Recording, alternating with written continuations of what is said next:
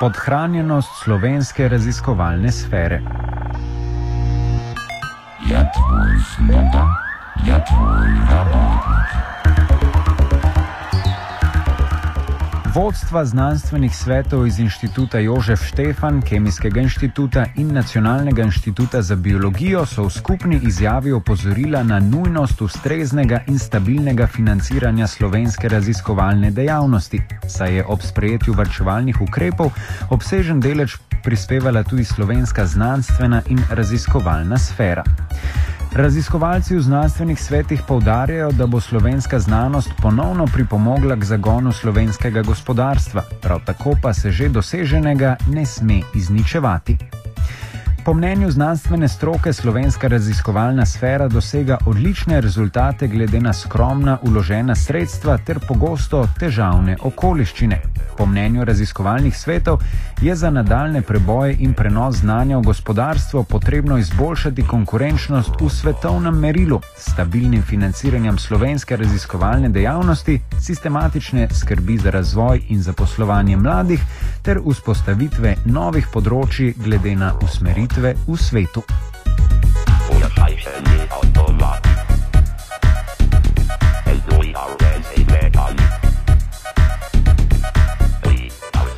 Predsednica znanstvenega sveta na Kemijskem inštitutu Simona Golič-Grdadolnik o zmanjšanju sredstev meni sledeče.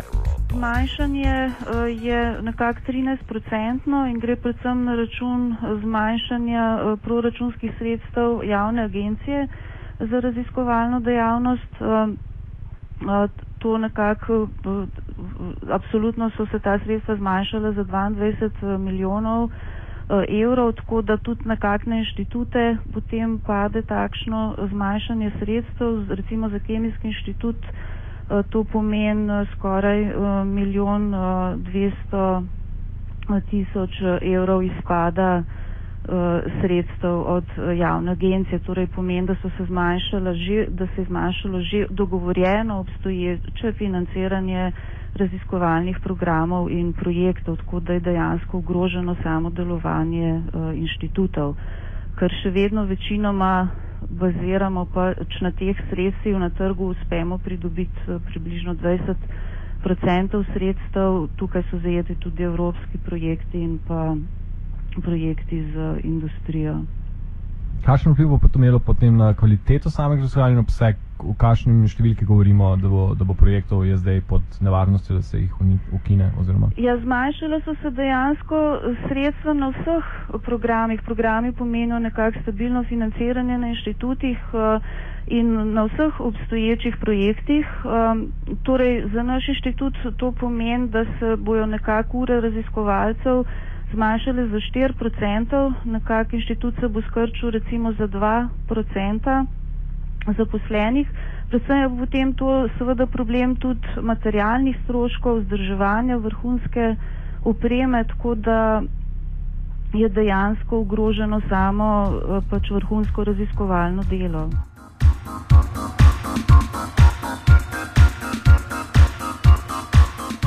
Podpredsednik Javne agencije za raziskovalno dejavnost Republike Slovenije Janez Slak podarja, da agencija poskuša omejiti vpliv zmanjšanega financiranja. Mi smo se odzivali na te, eh, te težave v letošnjem letu na ta način, da smo, da smo skušali uh, uh, narediti tako, da bi bili ti šoki čim manjši in uh, predvsem je ostal obseg ur za raziskovalne programe in projekte nespremenjen. Uh, to pomeni, da ne bi vplivali uh, neposredno, da bi to zahtevali zmanjševanje števila zaposlenih. Res pa je, da smo na ta način, ko smo premaknili cenovne razrede za en razred, oslabili kvaliteto uh, razpoložljivih sredstev, obseg razpoložljivih sredstev za materialne stroške, kar posredno seveda vpliva lahko tudi na, na, na kvaliteto raziskav. Uh, pomembno, so, pomembno so upozorili uh, tukaj raziskovalci na pomen infrastrukture, se pravi raziskovalne opreme in tukaj žal moram reči, da smo seveda v letošnjem letu uh, sredstev za opremo za naslednji paket ni.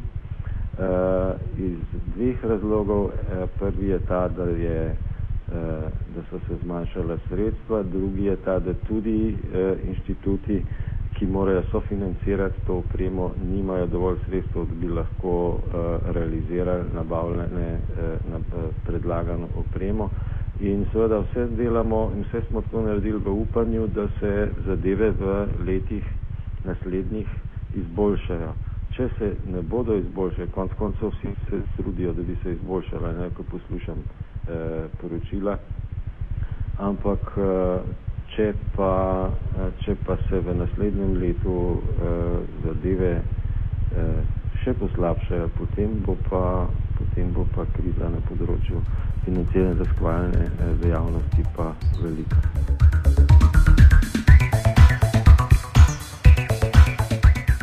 Direktorica Nacionalnega inštituta za biologijo Tamara Lah Turanšek pozdravlja izjavo znanstvenih svetov, opozarja na napačno percepcijo raziskovalne dejavnosti v družbi. Izjavo so dali uh, znanstveni sveti treh naravoslovnih raziskovalnih inštitutov in ne direktorji. Seveda so direktorji uh, po položaju tudi člani znanstvenih svetov, vendar pa pobuda prišla iz od raziskovalcev samih. In Uh, vsekakor se jaz um, moram pač povedati, da podpiram to izjavo, saj smo mi, direktori sami, v, ki smo združeni v okviru sveta direktorjev raziskovalnih inštitutov, to je KOSVIS, že predčasno dajali, že nekajkrat opozarjali, ne, vendar to ni bilo sprejeto, niti diskutirano nikjer.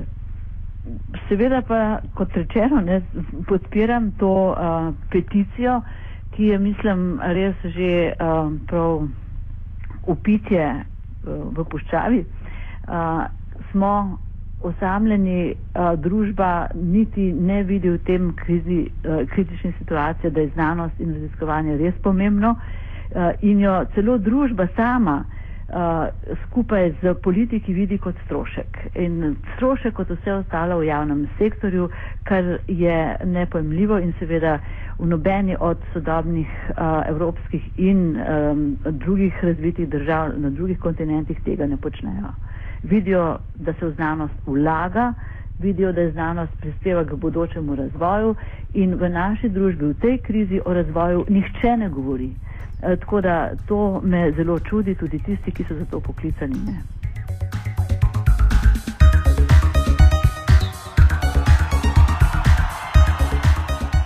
Za mnenje o problematiki financiranja raziskovanja smo vprašali tudi prodekanjo za znanstveno in raziskovalno delo na fakulteti za farmacijo Ireno Mlinarič Raščan.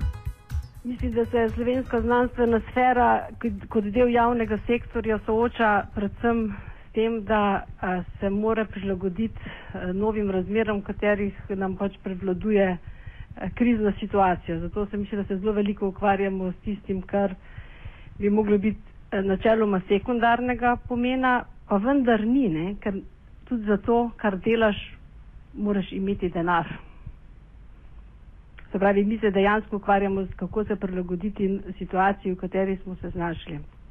S čim bi se mogli pa še poleg tega ukvarjati? Predvsem bi se mogli gotovo ukvarjati s vsebinami, raziskovalnimi vsebinami, to je delo posameznega raziskovalca, uh, delo vodilnih struktur v znanosti pa je seveda, da postavlja strategije, vizije in natančne delovne načrte, po katerih se gibljamo. Ne? Se pravi, mi moramo vedeti, kaj si v, v okvirjih, v katerih živimo, lahko prvoščimo. Kdo dela znanost, kaj kdo dela. Ne? To je zelo pomembno. Delitev dela je tudi na področju znanosti zelo pomembna, če želimo dosegati rezultate pravi, da moramo imeti jasne strategije in vizije, kam je usmerjena slovenska znanost, tako bazična, koliko aplikativne, uh, aplikativnih raziskav potrebujemo, da bomo uh, potegnili mogoče ta voz iz krize uh, z bodi si naprednimi tehnologijami,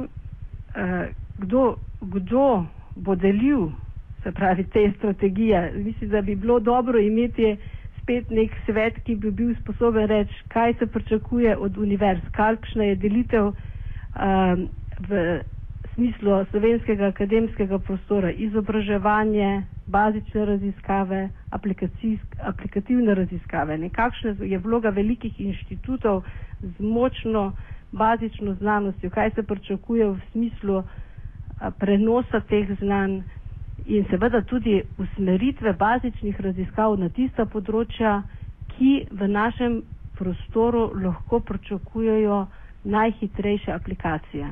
Brez bazičnih raziskav aplikativni uh, potencial ni možen, ampak samo bazičnih raziskav pa si v, v današnjem času verjetno uh, ali pa bi rekla, si malo kdo lahko privošči mecena, ki bi mu financiral samo bazične raziskave.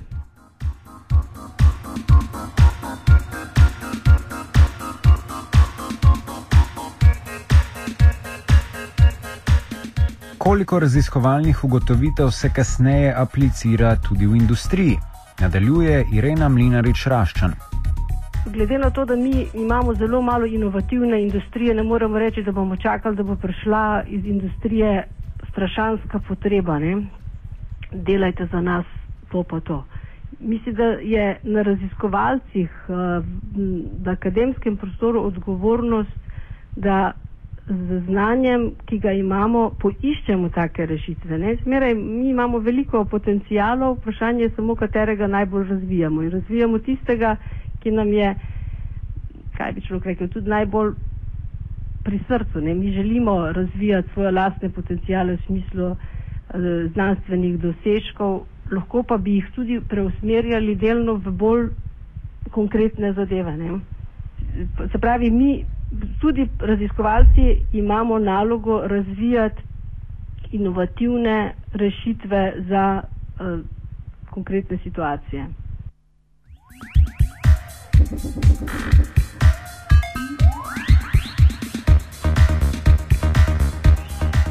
Je v raziskovanju premalo podarka na rešitvah uporabnih v gospodarstvu? Nadaljuje direktorica Nacionalnega inštituta za biologijo Tamara Lah Turenšek. No, to seveda uh, ni res. To uh, lahko potrdijo tudi uh, vsi kazalci, ki jih imamo, saj na našem inštitutu. Vem, da smo uh, v aplikaciji usmerjeni vsaj do uh, 30% našega dela, če ne več. Uh, je pa uh, temeljno raziskovanje tisto, ki, eh, na katerem se vzgajajo mladi znanstveniki in raziskovalci, da začnejo razmišljati raziskovalno, da znajo se spopasti s problemi in da se tudi nekaj naučijo o sodobnih tehnologijah, ki jih bodo potem delali in razvijali naprej. In vsaka, uh, vsaka aplikacija, vsak tehnični dosežek, pa če vzamete svoj telefon, boste vedeli, morate vedeti, da bazirajo na veliko temeljnih raziskavah, ki so bile upravljene leta in leta prej. Ne. In teh se ne da kupiti. Svoje znanje moraš razvijati sam in se učiti sam. Nihče drug te ne bo naučil.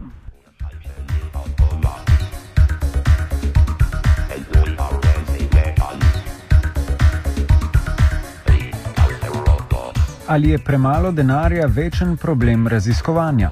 Nadaljuje Tamara Lah Turenšek.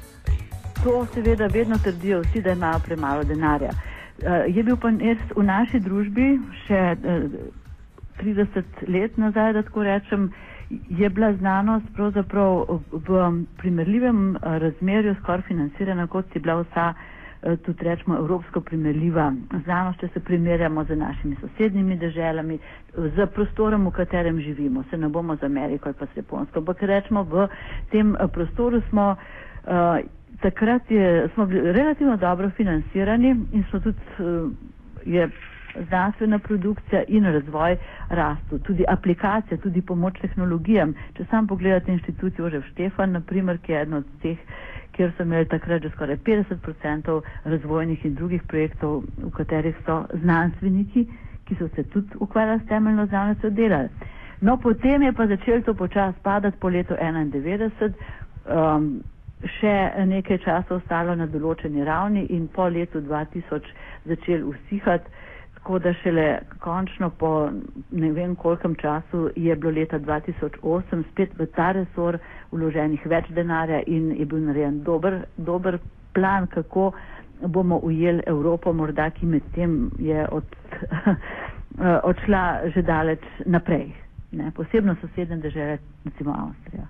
Tako da, ja, ja, padamo, ampak zdaj bomo pa še bolj. Zdaj pa se bomo težko prebrali, smo že na nivoju najmanj razvitih v Evropi po teh številkah.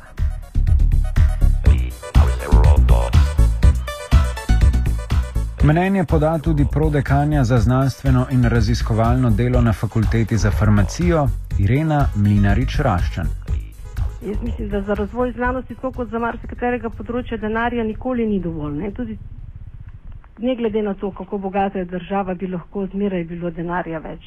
Mi pač moramo biti realistični in reči, v, v situaciji, v kateri smo, lahko naredimo s tem pač z omejenjo količino denarja oziroma resursov, ki jih imamo, tisto največ, kar lahko naredimo. Zato pa se moramo preusmeriti, tako kot se mora gospodarstvo preusmeriti na druge trge, tudi raziskovalci iskati nove izzive. Ne moremo pričakovati, kot sem že prej rekla, da, da se bodo v kriznih časih pojavljali meceni, ki nas bodo financirali.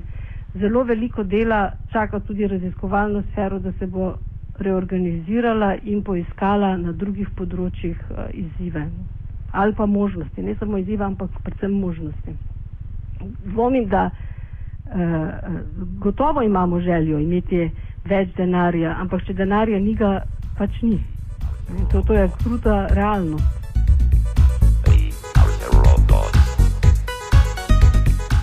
Manj denarja za raziskovanje bo imelo vpliv na prosta mesta za mlade raziskovalce, nadaljuje Irena Mlinarič Raščan.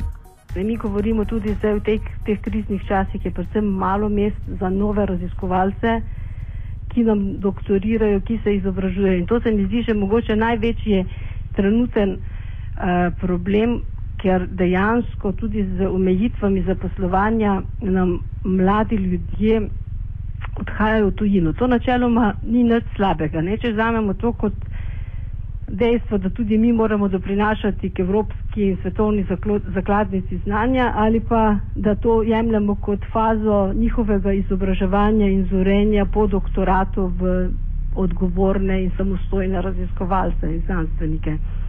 Večji problem pa se mi zdi, da je naš akademski prostor še zmeraj tako rigiden, da ne dopušča, da bi se ti uh, v tujini, eh, kako bi rekla, izkaljeni raziskovalci lahko vračali. Ne? In to, to se mi zdi, da je tista stvar, ki bi jo mogli tudi sami raziskovalci oziroma akademska sfera omogočiti, da se eh, pretok znanja tako mednarodno kot tudi naših ljudi, ki delujejo v tujini, poveča in da, jih, da imamo mehanizme, s katerimi te povratnike raziskovalce pravzaprav sprejemamo nazaj.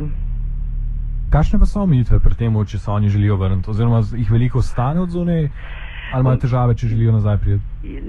Težave pravzaprav po mestni. Ne? Sistem je relativno rigiden, tako kot v marsikateri drugi sferi. Pri nas eh, eh, imamo zaposlitve za nedoločen čas. Eh, iz, izvolitve na univerzah za zelo dolgo obdobje in se pravi, da nekdo, ki odide za neko obdobje v tujino, izgubi pozicijo doma, ki se pač nikoli več ne povrne. Ne? In v tujini to pač drugače rešujejo, imajo obvezne staže izven matične organizacije. Se pravi, ti se na marsikateri dobri univerzi, pa če je to v Turčiji ali pa v Ameriki, ne moreš zaposliti, če si tam doktoriral, ne da bi opravil eno zelo dolgo obdobje na nekem drugem eh, delovnem mestu ali drugi univerzi. Ne. Pri nas bi to tudi eh, lahko na ta način um, dosegli, da um, bi pravzaprav ali pričakovali ali pa celo zahtevali, da uh, raziskovalec eno določeno obdobje preživi bodi si v industriji, bodi si v javni upravi, bodi si v tujini in na ta način dejansko prenese tudi sveže znanje in nove izkušnje. In na ta način potem mi lažje prestopamo meje akademskega prostora napram inovacijam, napram potrebi industrije, potrebam uporabnikov. Ta mobilnost znotraj Slovenije, znotraj akademske sfere in uh, torej bodi si znotraj Sloven, Slovenije, znotraj različnih uporabnikov znanja ali pa znotraj akademske sfere svetovno. To se mi zdi, da moramo še bolj spodbujati in pa predvsem potem omogočati, da se ti ljudje, ki se odločijo za tako pot, lahko vračajo in s tem svojim znanjem doprinašajo k napredku znanosti in pa seveda implementacijo znanstvenih dosežkov v gospodarstvu.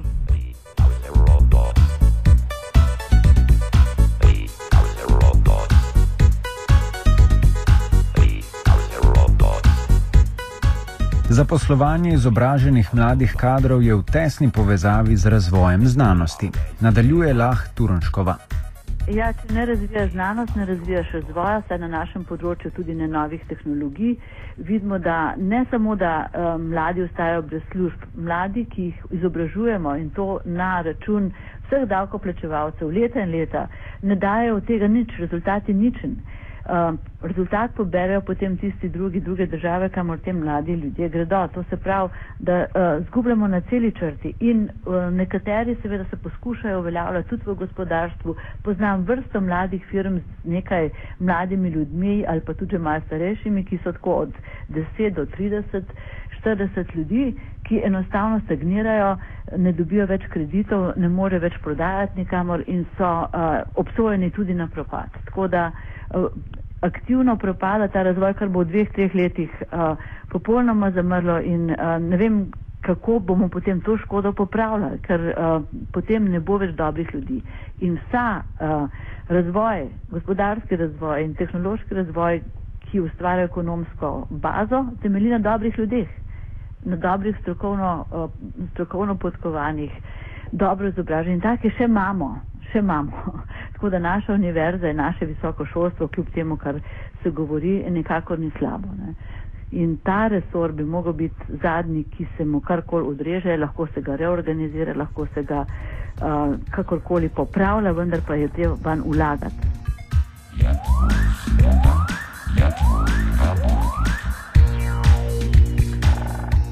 Kako trenutne okoliščine vplivajo na delovanje znanstveno-raziskovalnih inštitucij in potrebo po prilagoditvah, bo še zadnjič povedala Lah Turanškova. Preoblikovanje uh, je proces, ki uh, pa poteka k uh, preoblikovanju, reorganizaciji, stalnem sledenju. Nas pravzaprav sili naše okolje, znanost in znanstveniki nismo upeti v nek uh, sistem uh, javnih zavodov. Mi smo pravzaprav odprti na ozven, znanstveniki delujejo mednarodno in tudi mi sami znotraj sebe se reorganiziramo in delujemo tako, da bomo najbolj kompetitivni z, z, na svetovnem merilu ali pa saj v evropskem. Tako da mi ne potrebujemo neke uh, formalnega preoblikovanja, uh, kar nas oblikuje naše samo delo. Eh, če pa govorimo o visokošolskih zavodih, ki pa so mečken bolj rigidne strukture, kjer poteka izobraževalni proces, kjer tudi potekajo preoblikovanja in tako naprej, je mogoče ena druga stvar. Vsekakor pa more preoblikovanje izhajati iz same sfere. Sama sfera se more preoblikovati po potrebah okolja in trga. In eh, če ima za to prostor in možnost, ki jih daje politika in finance, potem bo to šlo. drugač pa um, ne vem, naj bi, če politika misli, da bodo lahko z rezanjem sredstev uh, se kompetitivno preoblikovale uh, ustanove, to najbrž ni čist ta prava pot. Je to tudi nekako cilj, bi mogel biti to cilj politike, da privlikuje smotrno sfero, ali je to bolj neka ne, avtonomna stvar? Politika mora dati okolje, v katerem se bo ta sfera eh, lahko razvila in preoblikovala sama po sebi, ker, ker želi biti kompetitivna z ostalimi, kot sem že povedala. Ne vem, politika nam pa seveda lahko pomaga pri tem, to pa je res. Ampak politika mora predvsem sfero imeti eh, ta tako imenovani uh, dialog. Če ima že socialni dialog, bi imela lahko še lahko razvojno-raziskovalni dialog, ki ga je politika prejšnja imela. Uh, recimo svet za znanost in tehnologijo je bil včasih, vsaj v zadnjem času bolj aktiven, včasih pa zelo neaktiven, ampak so, dana, uh, so dane oblike, kako se politika lahko za znanstveno sfero pogovarja. To so recimo ravno ta posvetovalni organ Svet za znanost in tehnologijo, so rektorske konference, so uh, možnosti, da se politika in znanost pogovarjate, da politiki občutijo, kje nam lahko pomagajo. Tega dialoga ni, ga pogrešam uh, in zato pač politika deluje v okviru svojih začrtanih ciljev, kjer je za njo znanost neka obrobna zadeva, zgleda tudi razvoj. Žal tudi um, na, minister, na tem ministrstvu ne vidim nobenih razvojnih spodbud. Ne vem, ble so, zdaj mirujejo, tako da ne vem, kaj razmišljajo in tudi, kot rečeno, dialoga uh, namanjka. Mi poskušamo organizirati srečanja in tako naprej, pa nekako ne uspemo priti do politikov.